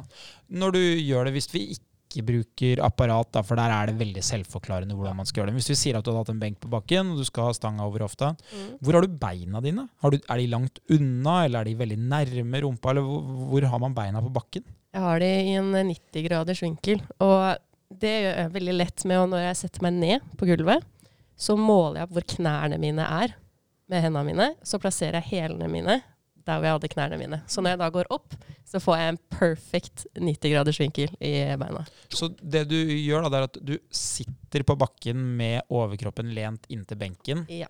og så tar du fingra dine der knæra dine er, Mm. og så når du da trekker opp hæla dine, så vil du jo automatisk, når du har løfta hofta opp, ha 90 graders vinkel i kneleddet. Yes. Meget godt tips! ja, og det var en bra måte å forklare det på, syns jeg. Ikke sant? Du er god. Ja, altså, hip thrust, den kan jeg, altså. Meget bra. Fordi et av de kravene som stilles for at man skal kunne være for at man skal kunne være god da, i det å vite at man har kontroll, det er jo at man gjør det samme hver gang. Mm. Så det er en kjempefin metode for å ha god kontroll på at den øvelsen du gjør, den er lik. For, for faren, da, hvis vi skal bruke helt enkle øvelser, er jo øhm, Hvis du sier nedtrekk, da, hvor du trekker stanga ned til brystet Hvis du begynner å snu 10 cm tidligere, så gjør du mindre jobb. Som gjør at da må du jo legge på mer for å få samme belastning. Som gjør at det kan være litt sånn vanskelig å vite hvor sterk var jeg egentlig forrige gang. Når snudde jeg? Samme i utfall, hvis du går det, som vi skal innom etterpå. Hvis du begynner å snu litt tidligere, ikke ta kne helt i bakken, så gjør du egentlig en jobb som er litt lettere. Da bør du jo kunne gå flere steg. Og så begynner man å rote med at det man gjør i dag, ikke er det samme som det man gjorde sist. Da. Så det der er, det er et kjempetips. Altså. Det er uh, prima. Ja. Jeg har sett at folk har strikk rundt knærne når de gjør det. Hva, er, hva driver man med da? Det, det, det lurer jeg også på. det er vel kanskje at de mener at de kjenner det litt bedre og får bedre muskelkontakt eller noe sånt. Jeg vet ikke helt jeg. hva slags effekt det egentlig har på muskelvekst. Det, Jeg liker jo å sammenligne det med en øvelse som vi alle gjorde på barneskolen en eller annen gang i tiden. 90 grader til veggen. Det du egentlig driver med, er jo statisk trening et eller annet sted. ja. Eh, Og når du står i 90-graderen, så er det jo statisk trening på fremside lår. Når du presser knærne ut på den måten, så blir det jo statisk trening for musklene som da presser knærne ut. Og man får jo da følelsen av at å, her brenner det. Det føles veldig godt. Men det er jo litt sånn vi har snakket om veldig, my veldig mye her, da, at belastning har veldig mye å si. Og det å skape kraft har veldig mye å si. Og det, du skaper jo ikke kraft når du bare presser knærne til siden. Da står du bare statisk. Ja, så, så det man kan si er at hvis du gjør hiptrust, men ikke kjenner det så godt i rumpemuskelen, så kan det jo være greit å teste med en sånn strikk. Eh, Tilbake til det du sa i stad. Kanskje fin sånn innføring for å få til en god teknikk og en god gjennomføringsevne. Men når du begynner å bli sterk, så er det kanskje på tide å ta bort den strikken og bruke muskulaturen sånn som det skal brukes. Ja, og da heller legge på, altså kompensere med kanskje litt mer vekt. Ja, enn å bruke kraft på å holde den statiske. Altså, du må gjerne gjøre det, men, men på et eller annet tidspunkt så vil du på en måte ha henta ut den avkastninga som Ja. fins i den uh, metoden. Ja. Nei, men det er et Godt poeng. Det er, det er litt som crabwalk, at idet du på en måte har gått med strikken, og du ikke har en tyngre strikk, og du har gått ganske mange steg, så er det ikke noe verdi å gå 500 steg fem ganger. Nei. For da er det, da er det plutselig tilførsel av oksygen som er problemet, ikke at muskelen ikke klarer å skape kraft. Mm. Så, så det er jo sånn godt poeng at eh, noe må bli tyngre for at det skal bli utvikling. Ja. Nei, men det er good. Hip trust, altså. Fin Ja. øvelse. Veldig fin øvelse, i hvert fall hvis man gjør det riktig. Altså. En liten til sånn eh, teknikktips her, det er at når du tar hip thrusten, sett haka di i brystet, og tipp eh, bekkenet opp mot brystet også, så du stiver av den eh, øvre delen av kroppen din. Så du ikke bare driver og jokker i lufta, for det hjelper ikke. Nei, så du skal, du skal se ned på hofta. ja. Ja, for jeg har sett veldig mange gjøre det motsatt. De løfter jo veldig mye vekt, da. Men når de går opp, så bare kaster de hodet sitt bakover. Og svaier godt. Så det du sier er egentlig hold krum godt, så du bare strekker ut hofta og ikke ryggen. Jeg, jeg sier at du skal være helt stiv i ryggen, da. Ja. For du skal være en pinne som går opp og ned, opp og ned, istedenfor For det er mange som også ser bakover Ja, var... når de går ned i bånn også. Så de Ah. blir en sånn bue i bånn, ikke sant. Og det er jo ikke så digg for ryggen, da. For det er veldig mye belastning som kunne vært unngått. Nei, ikke sant. Nei, men jeg, jeg ser den. Det er jo det man må ha litt ansvar for her. er jo, Når det begynner å bli såpass tungt som du sier, da, ikke sant? godt Mm. over 100 kilo, så er det jo klart at bindeleddet mellom hofta og overkroppen som ligger på benken, Mm. det, det, du vil ikke at det skal være en myk planke, da, hvis jeg kan si det sånn. Du vil Mhm. at det skal være en ståldrager. Yep. For, for det er ikke der krafta skal skapes. Det er, ikk- det er ikke en mage- eller ryggøvelse på den måten. Mm, mm. Så, så, så derfor så handler det om å stive av. Nei, men det er et godt poeng. Eh, Neste type sånn ren eh, øvelse for rumpa, rumensk markløft. Yes. Finner jeg også det i ditt program? Det finner du, altså. To ganger, faktisk. to ganger også? To ganger, faktisk. Elsker rumensk markløft. Aha. ja. Så hovedforskjellen, da, hvis jeg skal være veldig kjapp på det, mellom strak markløft og rum, rumensk markløft, det handler litt om vinkelen på kneleddet og avstanden fra eh, stanga og inn til beinet ditt. Mm. Det som på fagspråket er tyngdelinja. Da. Ja. Så det man egentlig ønsker å få til her, det er jo at hofta di altså Når vi sier hofta, så er det jo, det er jo rumpa vi snakker om, da, men hofta er jo på en måte Det er jo der beinet og selve leddet sitter, som da rumpa har som ansvar å rette ut. Det havner litt lenger unna stanga, Mm. som gjør at det blir rumpa mer, mindre baksida av låret. Ja. Mens hvis du hadde kjørt mer klassisk strak markløft, helt rette bein, ikke bøy knærne, så ville stanga ha havna lengre fra beina dine, som igjen hadde ført til at det blir mer baksida av låret og mindre sete. Da tror jeg vi har forskjellen. Ja. Ja. Og så har du sånne som meg, som eh, da ikke kan ta strak For jeg må ha litt bøy i knærne for å rett og slett få det til. Så det jeg egentlig driver med da, er jo rumensk. Ja, egentlig.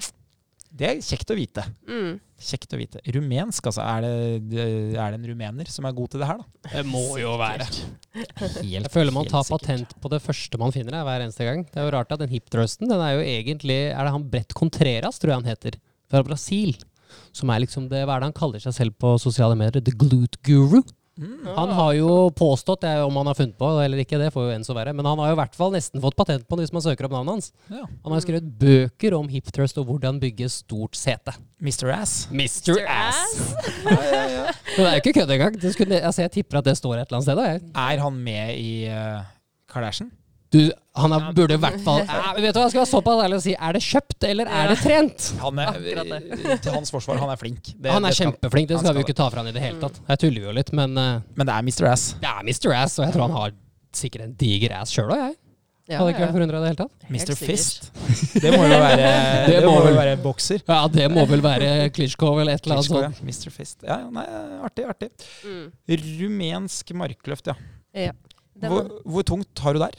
Og der har jeg Nå jeg, tar jeg 90 kilo, da. 90 kilo. Ja. Men det er fordi jeg er litt småvondt i ryggen. Jeg kunne egentlig hatt mye mer. Så, så 90 er ikke, det er ikke maksen heller, det er, det er småvondt i ryggen. Ja, det er småvondt i ryggen-vekt, ja. Jeg har ikke testa maksen ennå, da. Men det var, eh, jo, vi får se. det, det, det var jo kanskje en, en fire ganger så mye som jeg tenkte at var fornuftig. Altså ikke fornuftig, men det jeg hadde gjetta på eh, basert på mine egne ferdigheter. Ja, nei, Det er 90 kilo, ja. Da skjønner jeg jo at dette her er en god øvelse for hofta. Da er det jo mye ytre belastning. Mm. Det gjør jo også at du må flytte en del vekter her. Ja. Der har jeg også mine flaps. Altså Jeg bruker sånne flaps som gummiflaps istedenfor uh, de reimene. Ja, til til å å sørge for at du holder ja. i stanga. Ja. For her òg blir det problemet samme som i Samme som i sumo, ja. Aha. ja. Dette er bra, altså. Det er jo, men det er vel kanskje det som ofte er at det er begrensende faktor når man trener sete. At du har underarmen blir begrensende faktor på en markløft, så er ryggen i en knebøy. Ja. Så du har vel sikkert funnet deg en del sånne hacks på veien, da? ja, har jo det. det må til. Skal man bygge, så må man trene ordentlig. Og da må man ha nok belastning og ikke ha så mange begrensende faktorer i veien, da. Må rydde litt. Ja, det er bra, altså. Mm. En ny isolerende øvelse. Ganske kult navn. Eh, Donkey kicks. Jeg synes det er så kult. da. Jeg tenker bare på Donkey Kong jeg, hver gang jeg hører Ja, det. jeg òg, og det er så fett. Eh, Donkey kicks eh, det, det som er morsomt, da, det er at i min verden så eh, Jeg har jo veldig lenge kunnet på en måte de faguttrykkene som brukes, da. Men så har jeg også jobba med ekstremt mange ulike mennesker på treningssenter, og det man ofte gjør der, er at man snakker jo sånn som de, så de skjønner hva jeg sier. Ja. Så jeg bruker jo utrolig mange norske uttrykk eh, for at jeg skal kunne beskrive det. Og så er problemet av og til at mange av PT-kundene de snakker ikke engang med norske faguttrykk. De snakker jo med norsk språk og det de skjønner. Yes. Så donkey kicks, det blir spark bakover. Uh, og nedtrekk, f.eks., det er jo fort Du veit den jeg sitter sånn her, og så trekker jeg sånn ned. Eh, Ikke sant? Ja. Eh, så, så det blir jo sånn eh, Når man da begynner å snakke om det, er det supinert grep? Er det smal nedtrekk? Ikke sant? Eh, er det chins eller er det pullups? De fleste bare De har ikke peiling. Så, så man blir litt sånn farga av det. Og det fins en nyanse til, og det er jo når ting får kallenavn, da, ikke sant? sånn som donkey kicks. da. Det er jo ganske selvforklarende, så de fleste skjønner jo at ok, her skal det jo brukes bein bakover. Det er jo det eselet gjør, det sparker, ikke sant? Og du sparker ikke framover, det ville vært veldig rart. Eh, I hvert fall med bakbeina. Det, Ja, absolutt. sånne ting syns jeg er gøy å tenke på. Så det er jo sparking bakover. Hvordan vil du beskrive det, Sindre, hvis jeg hadde kommet til deg og sagt du, eh, jeg har blitt fortalt at jeg må gjøre donkey kicks, hvordan gjør jeg det? Da hadde jeg sagt bli med meg til cablecrossen, skal vi gå og ta en titt her. Så for dere som ikke vet hva cablecrossen er, så er det der, den kabelen man kan justere på både høyt og lavt, og sette på forskjellige hanker og forskjellige muligheter. Eh, og på de aller fleste treningssentre i dag så har vi jo en sånn hanke man kan feste på, som man også kan feste på anklene. Og da fester man den på ankelen, så drar man den som gjør at man trekker vekten, den kabelen, den drar man helt ned til ankelleddet. Og så er det jo viktig nå å finne stabilitet. Og her er det jo 100 måter å gjøre det på. En av de mest effektive er jo selvfølgelig å bare stelle en benk foran. Sette det ene kneet på. For da er du stabil når du gjennomfører, og da trenger du ikke å tenke på balansen. Og så skyter du da rett bak som en eh, Eller ikke rett bak, egentlig litt Jeg er så dårlig i matte, folkens, så vinkler, der spør jeg dere nå. Rett bak, da er vi på 120-90. Jeg er veldig usikker. Dere må skjønne at matte var ikke mitt største Nei, men du, du står da rett og slett rett opp og ned eh, foran uh, dette kabelstativet. Så skal du nå få si hvilken vinkel det her er. Og så sparker du skrått ut bakover, si 45 grader, da. Der er du god. Men det, jo, men absolutt. Det, det er jo det du gjør. Og her vil jo mange tenke at skal jeg gjøre det tungt, skal jeg gjøre det lett? Ofte så er jo begrensende faktor siden du legger den på ankelen, så har vi jo en del ledd som går imellom, som gjør at det blir veldig langt unna vektarmen, som da er setet, for det er den muskelen vi vil trene. Så ofte her så anbefaler jeg at nå burde du gå opp til en del repetisjoner så du faktisk blir sliten i muskulaturen. Så ikke nødvendigvis gjør det for tungt, for da vil ikke resten av beinene klare å presse den vekta ut, men heller gå for litt høyere repetisjonsantall, og så kjenne at du da nærmer deg utmattelse. Jeg vil jo instinktivt tro her at uh, man bruker nedre del av ryggen en del, og baksida av låret. Yes, og det er jo derfor det er viktig å prøve å holde seg stabil, ikke strekke for langt ut heller. Det ser jeg veldig mange gjør. For da ender man jo opp litt sånn som i hiptrøsten, og strekker korsryggen. Så bevegelsen er ikke så lang som man egentlig tror. Vi har vel lagt ut, del, vi har lagt ut noen videoer på dette her på Evolution, og en artikkel om det òg, tror jeg, hvor vi har vist til den øvelsen og litt gjennomføringsevne. Og det er litt lettere å se det på en video, eller på et bilde, enn det det kanskje er når jeg prøver å forklare. Så er det bare begrensende på meg, altså på forklaringen. Man kunne jo også, hvis man ikke hadde hatt vekt, så så kunne man jo, hvis jeg skulle tenke da, hvis man bruker tyngdekraften isteden, så kunne man, hvis man har en benk, stelt seg sånn at du da har eh, henda på benken, det ene kneet på benken, og så bare sparker du ut bakover, oppover. Ja. Så at det blir vekta av beinet ditt som på en måte er eh, det som eh, setemuskelen må løfte, da. Absolutt. Jeg, vil jo, jeg bare tipper, jeg er ikke sikkert at det stemmer, men jeg vil jo se for meg at på et eller annet tidspunkt så blir det, må du kjøre ganske mange repetisjoner, for du begynner å bli ganske sterk. Litt sånn som å kjøre pushups for å få større brystmuskler. Ja. Det fungerer i starten, men til slutt så må du jo ta 20, 30, 40, 50 hvis du skal få nok belastning. Og det er jo der det kanskje da er på tide å komme seg et sted hvor du kan belaste det litt bedre, da. For det er jo fordelen med styrkeøvelsene. At du kan gradvis gjøre det tyngre hvis du har tilgang til magasin eller vekter eller noe sånt. Og hvis du bare hadde trent hjemme, så hadde du blitt litt sånn keitete progresjonsmessig etter hvert. Da. Ja. da må du begynne å henge på vektflasker på beinet. Når en av de løsner, så plutselig får du den i panna, og så det er ikke så gøy lenger, altså. Ja, det var eh, fem øvelser. Vi har fem øvelser til. Det er jo da type alternative øvelser. Eh, De er jo litt likere mange av de vi har sett på, men de er også litt varierende. Så den første av de eh, øvelsene, det er jo step up. Mm. Hva er det for noe? Det hørtes jo kult ut. Ja, step up, det er jo at du eh, har det ene beinet på en kasse. Og da, for å bestemme høyden på den kassa, så kan du gå ta opp beinet ditt. kan se hvor høyt du får opp beinet ditt fra gulvet. Og så kan du velge en kasse deretter, da. Så du trenger ikke å velge den høyeste kassa på gymmet, og heller ikke den laveste. Så kan du se hvor utgangspunktet ditt er, da. Og så skal du løfte deg opp da, med den foten som er på kassa. Her kan du enten velge å utfordre balansen din, eller velge å isolere det mer mot muskelvekst med å støtte deg inntil et eller annet, da, så du ikke så du får rydda bort den eh, begrensende faktoren som er balanse da, på step up. Og hvis du da i tillegg da flytter eh, vekta du har i hånda langt unna hofta di, så får du isolert mer rumpa istedenfor uh, kneleddet. da. Ikke sant? Så øh, Hvis jeg ser det for meg, så blir det et kjempestort trappetrinn. Mm. Og så prøver du liksom å klatre opp det trappetrinnet. Yeah. Eh, bortsett fra at øh, du, står på, du står sidelengs, da, sånn at det beinet som du løfter med deg, ikke blir et problem. Mm. Kjører du da bare samme bein ti ganger, f.eks., eller bytter du annethvert bein? Jeg kjører samme bein ti ganger, og så har jeg um, det, Jeg står rett, for, rett bak kassa, og så glir jeg det beinet som jeg har på gulvet, langs kassa, opp og ned. Ja. Sånn at jeg ikke bruker det beinet og sparker fra, da. At jeg bare bruker den som er på kassa. Aha. Ja, for det du også kan gjøre, og det er det jeg gjør med en del av kundene mine, det er å be de strekke ut beinet og løfte opp tærne på den motsatte Mm. beinet. For hvis du gjør det, så klarer du ikke å skape kraft fra det, e- fra, kall det støttebenet, da, eller det benet som egentlig bare skal ligge der på siden. Og det er jo det mange gjør, at man ender opp med å bli sterk i gåsetegn, og så sparker man litt ifra hver gang man skal opp det trappetrinnet. For det er jo veldig naturlig. Du sier at det bare er et stort trappetrinn, og det er jo egentlig det det er.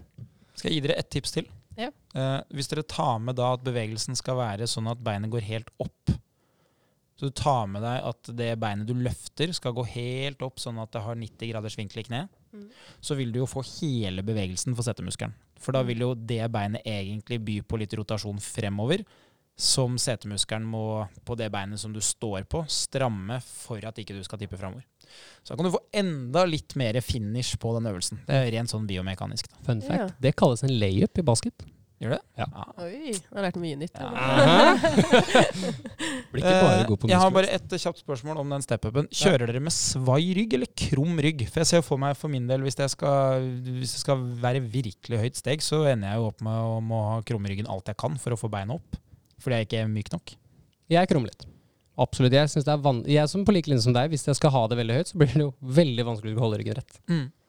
Ja, jeg lener meg framover, jeg. Jeg, for, å- jeg gjør en liten sånn hip hinge i hofta. Så jeg god. blir sånn Jeg stiver av i, i overkroppen litt sånn i starten. og Lener meg fram, holder tak i Squat-racken bruker jeg ofte, da. Og så drar jeg meg opp sånn. Så jeg prøver å stive av ryggen sånn sett, da. Ja, for jeg ville jo tenkt at det var bra for setemuskelen å prøve å ha om ikke svairygg, da, men uh, prøve å unngå krummen mest Mm. mulig.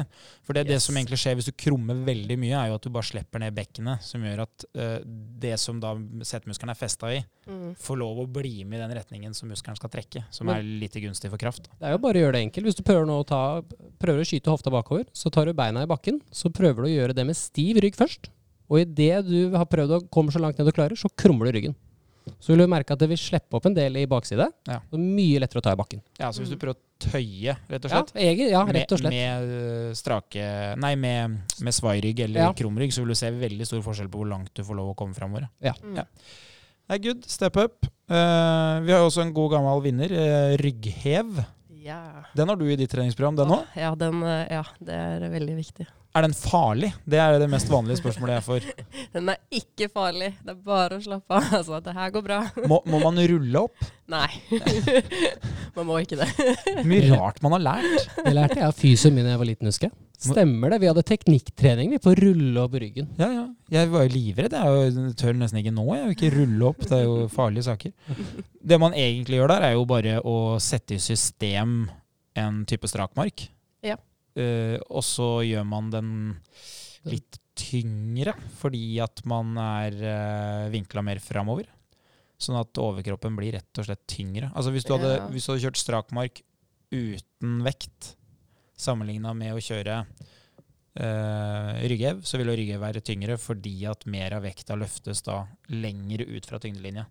Men vi driver jo ikke på med det. Vi har jo stang i strakmark, så det er noe helt annet. Men uh, hva er det man trener da, når man gjør det her? Er det, hvor er det du kjenner den?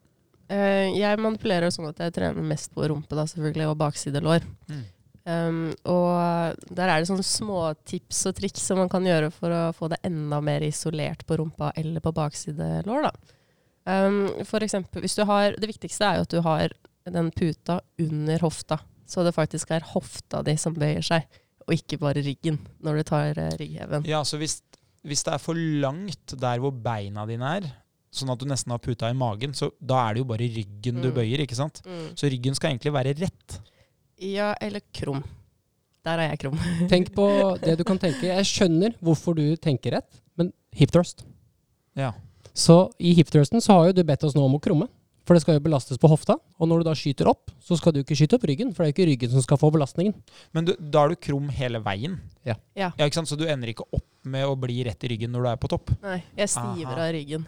Det er det viktigste. Er egentlig det gjennomgående på de her eh, øvelsene vi har snakket om nå. Stive av ryggen, for det er hofta som skal bevege på seg og få mest belastning her nå. Det er jo egentlig ganske smart, for det betyr at da trenger du jo egentlig ikke å være ekstremt sterk i ryggstrekkerne for å holde vekta. Yes. Mm. Smart. Jeg lærer jo stadig når. Jeg syns det er gøy. Ja. Nei, men da, så da kjører man den i hofta, man bøyer seg fra, man har krum rygg egentlig da, Mm. eh, hele veien, og så holder du masse vekt i hendene, eller? Jeg har jeg lært meg et nytt triks da, med å flytte vekta. Jeg bruker manualer, og så har jeg den på hodet som en hatt. da. Lengst Ja. mulig. Ja, For da er den langt unna hofta mi. Lengst til omdreiningspunktet. Ja. Så det Nei, det, det er morsomt med biomekanikk, altså. Den lærte du meg på situps, husker du det? Ja, for, for der, gjør vi, der gjør jeg jo akkurat Ja. det motsatte. Der, ikke sant? Mm. Man er fortsatt krum fordi det er magen som skal holde krafta. Og så har man ballen på hodet, for da er jo ballen lengst unna hofteleddet. Så det blir mest mulig jobb for magen. Hvis man da eh, ligger på en Bosu-ball, som er sånn Mm. halv ball, så er egentlig akkurat det samme prinsippet som i rygghev, bare motsatt vei. Og da får du noen aha-opplevelser. Jeg kjørte jo med 15-20 kilo i situps, for jeg la den bare på magen. Og så Mm. sier Andreas til meg ta den femmeren, så prøv å legge den bak hodet.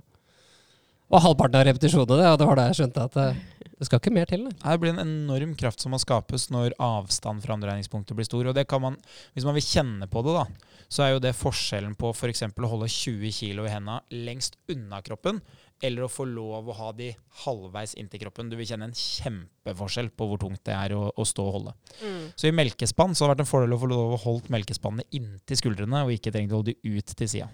ja. Så Det hadde vært helt fantastisk. Ikke sant. Mm. Nei, men det er kult. Da hadde vi en morsomme facts her med rygghev.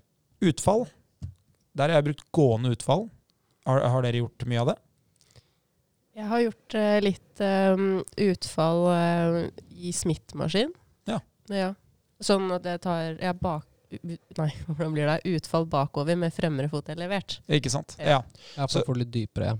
Ja. For for det du gjør da, at når du går ned, da, når beinet ditt står på en kasse foran, så blir det jo større vinkel i hofteleddet. Mm. Så det blir mer jobb.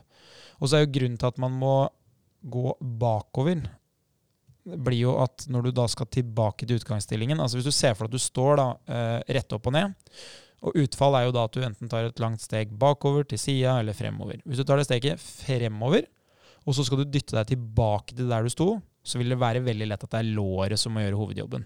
Men hvis du derimot tar steget bakover, så er det mye enklere for det beinet som sto igjen, å bli med å skape kraft i rumpemuskelen for å få deg opp igjen til der du var.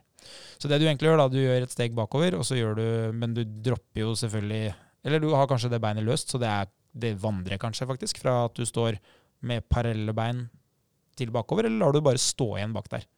Nei, jeg, jeg tar den opp igjen. Ja. Må jo, det er jo utfall. Må jo falle ut. Ja, for hvis ikke så er det en splittbøy. Yep. Å, fy flate, her skal det være riktig. ja. Rett skal være rett. Det liker jeg. Så hvis beina hadde stått igjen, så hadde det blitt en splittbøy, vet du. Yep. Meget bra. Nei, men utfall Jeg har brukt mye gående utfall fordi at det skaper eh, bra jobb eh, på balansen hos vanlige folk. Det er alltid ledig, du trenger veldig lite utstyr. Ja. Mm. Eh, I tillegg så får du støttemuskulatur på innsida av låra, så de fleste blir ganske støle i lysken. Og så får du det som vi kaller for en unilateral øvelse, eh, som du òg får selvfølgelig om du bruker det i smittmaskina, men det er jo at på sikt så blir du like sterk i begge bein, fordi belastninga er delt. Mens i knebøy, så hvis du har et dominant bein som er litt sterkere, så vil det kunne på en måte redde inn totalbelastninga eh, hele tida. da. Og så eh, er fordelen med å gå fremover at du får da den utfall bakover-funksjonen. For hver gang du går frem i neste steg, så er det egentlig det samme bevegelsen du gjør.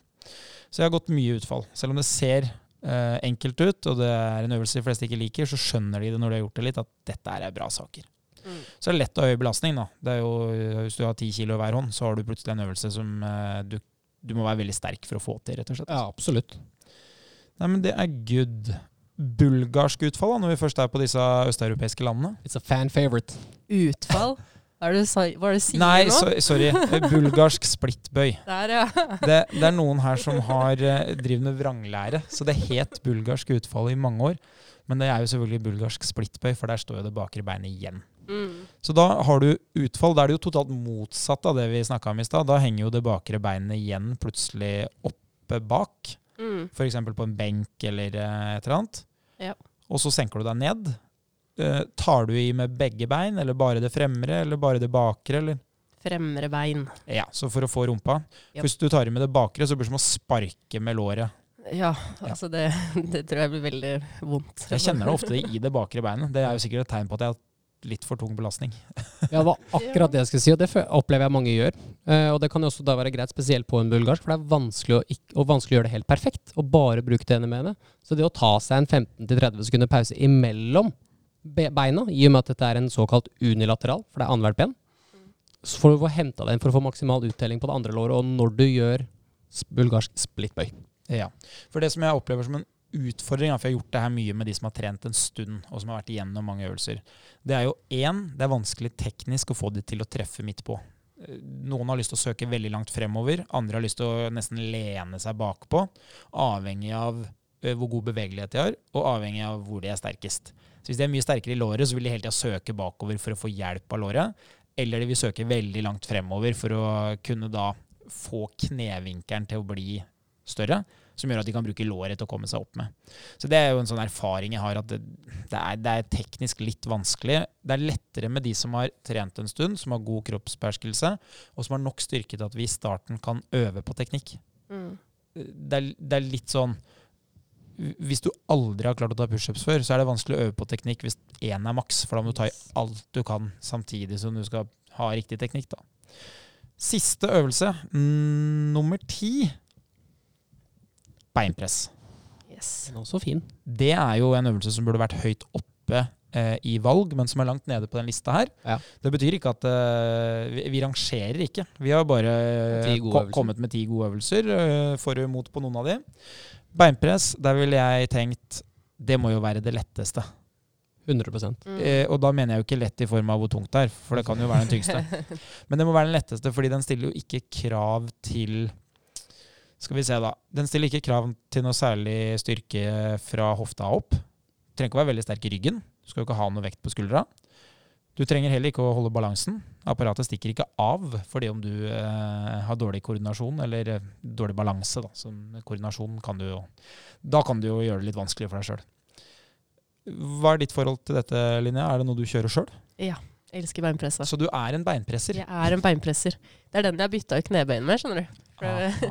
Når jeg skal først bygge litt mer eh, rumpe og bein, så er det mye bedre å bruke beinpress enn knebein, mener jeg da. For meg. Ikke sant. Når i treningsøkta kommer denne øvelsen? Kommer den til å begynne med til slutt, eller midt i? Jeg har det som første øvelse. Ja, så du, du vil virkelig banke i hjel eh, rumpa fra start, sånn at det blir skikkelig tungt utover økta? Satan.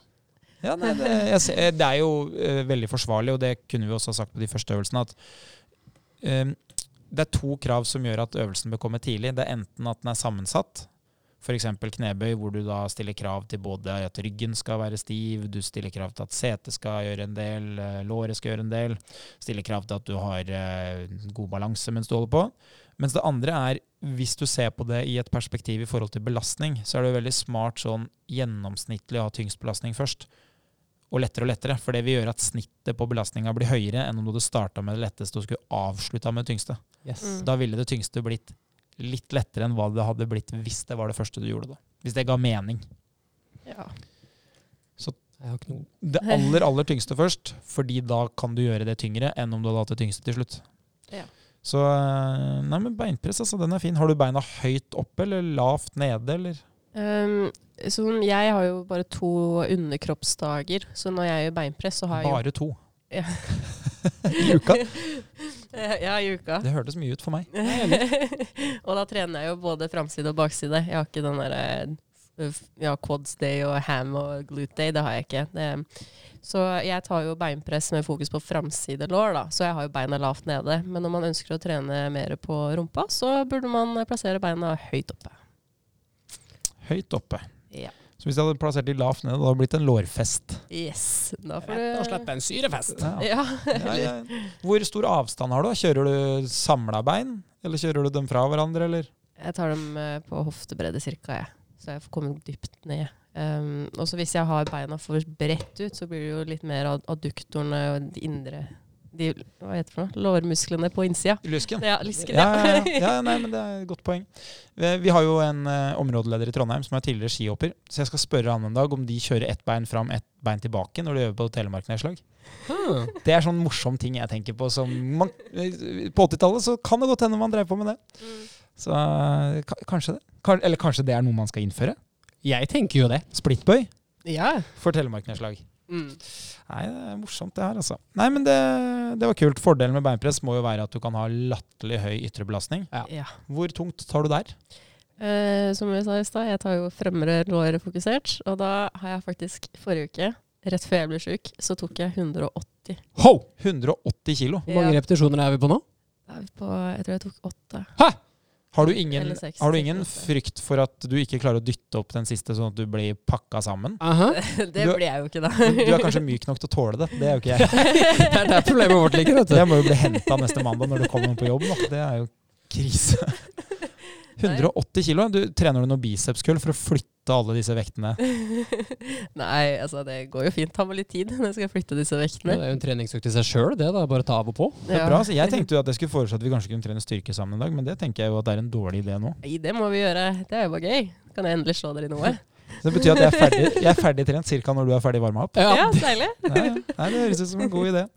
Vi skulle gjerne ha gått gjennom challenge og 500 kalorier, men som dere òg skjønte av innledninga, så eh, har jo da du, Linnea, du har vært syk. Ja, sorry. Nei, men sånn er det. Og da, vi snakka litt om det før, eh, før vi starta her. Hvorfor trener du ikke når du er sjuk? Nei, det er greit å spare opp kreftene til at kroppen min faktisk kan bli frisk, da, istedenfor å waste det på trening. Det, det er bare teit. Ja, og det er jo sånn gammel mentalitet at man bare skulle peise gjennom det, som vi har sett eh, av en del kliniske undersøkelser, at det er lite gunstig å holde på hvis man har litt feber og sånn, altså. Så ta det med ro når man er syk. Det gjør at vi bare setter det på vent en uke. Det, det er ingenting som stikker av her. Det, burpees er like kjipt om en uke. ja. så, og så får vi se, da. Kanskje 500 kalori løping gjør at du plutselig tenker at hm, Drammen 10 km, ja, det er jo noe jeg Det frister kanskje mer og mer. Ja. Vi får se, da. Vi får se. Spennende, spennende. Nei, men det her har vært en eh, dryg episode i tid, men den har vært veldig innholdsrik. Jeg eh, føler jo vi virkelig har kommet fram til en del nyttige tips. Absolutt. jeg har jo en del jeg skal ta med meg, Mm. så jeg setter pris på det. Eh, kanskje jeg skal rett og slett lage meg et eh, treningsprogram igjen. Jeg må tilbake til gamle høyder. Eller kanskje høyder, vet jeg ikke, men eh, gamle bragder. Skal vi gå opp i rundt livet på buksene våre, altså? Er det det som er målet nå? Ja, altså jeg, eh, jeg, har, jeg har ikke hatt noe kjempestort problem med det. Av og til, så hvis det har løpt veldig mye, så har det jo blitt god plass rundt livet. Det skyldes jo bare at man går ned i vekt. Men det har vært veldig sjelden at det har vært trangt rundt låra. Men det hadde jo vært gøy å se om det er mulig. Målsetning for 2023? Kanskje jeg rett og slett skulle ha målt omkretsen på låra. For det ville jo vært en god definisjon på volum. 100 Ja, nei, kanskje det. kanskje det. Funker Smash, tror du, på, eh, hvis jeg bare rett og slett går for å spise mye sjokkis? det kan funke på å øke omkretsen, ja. Det er jo mye proteiner der, da, så vi får se. Innholdet kan hende at endrer seg litt, men eh, nei, men kanskje jeg skal vurdere. Jeg skal ta en avgjørelse om det blir knebøy eller Smash. Det skal jeg finne ut neste gang. Tusen takk for at du lytta på i dag. Velkommen tilbake til neste episode, og inntil videre, ha en flott treningsuke. Takk for oss. Vil du vite mer om trening? Abonner på podkasten og sjekk ut vårt treningsmagasin på evo.no.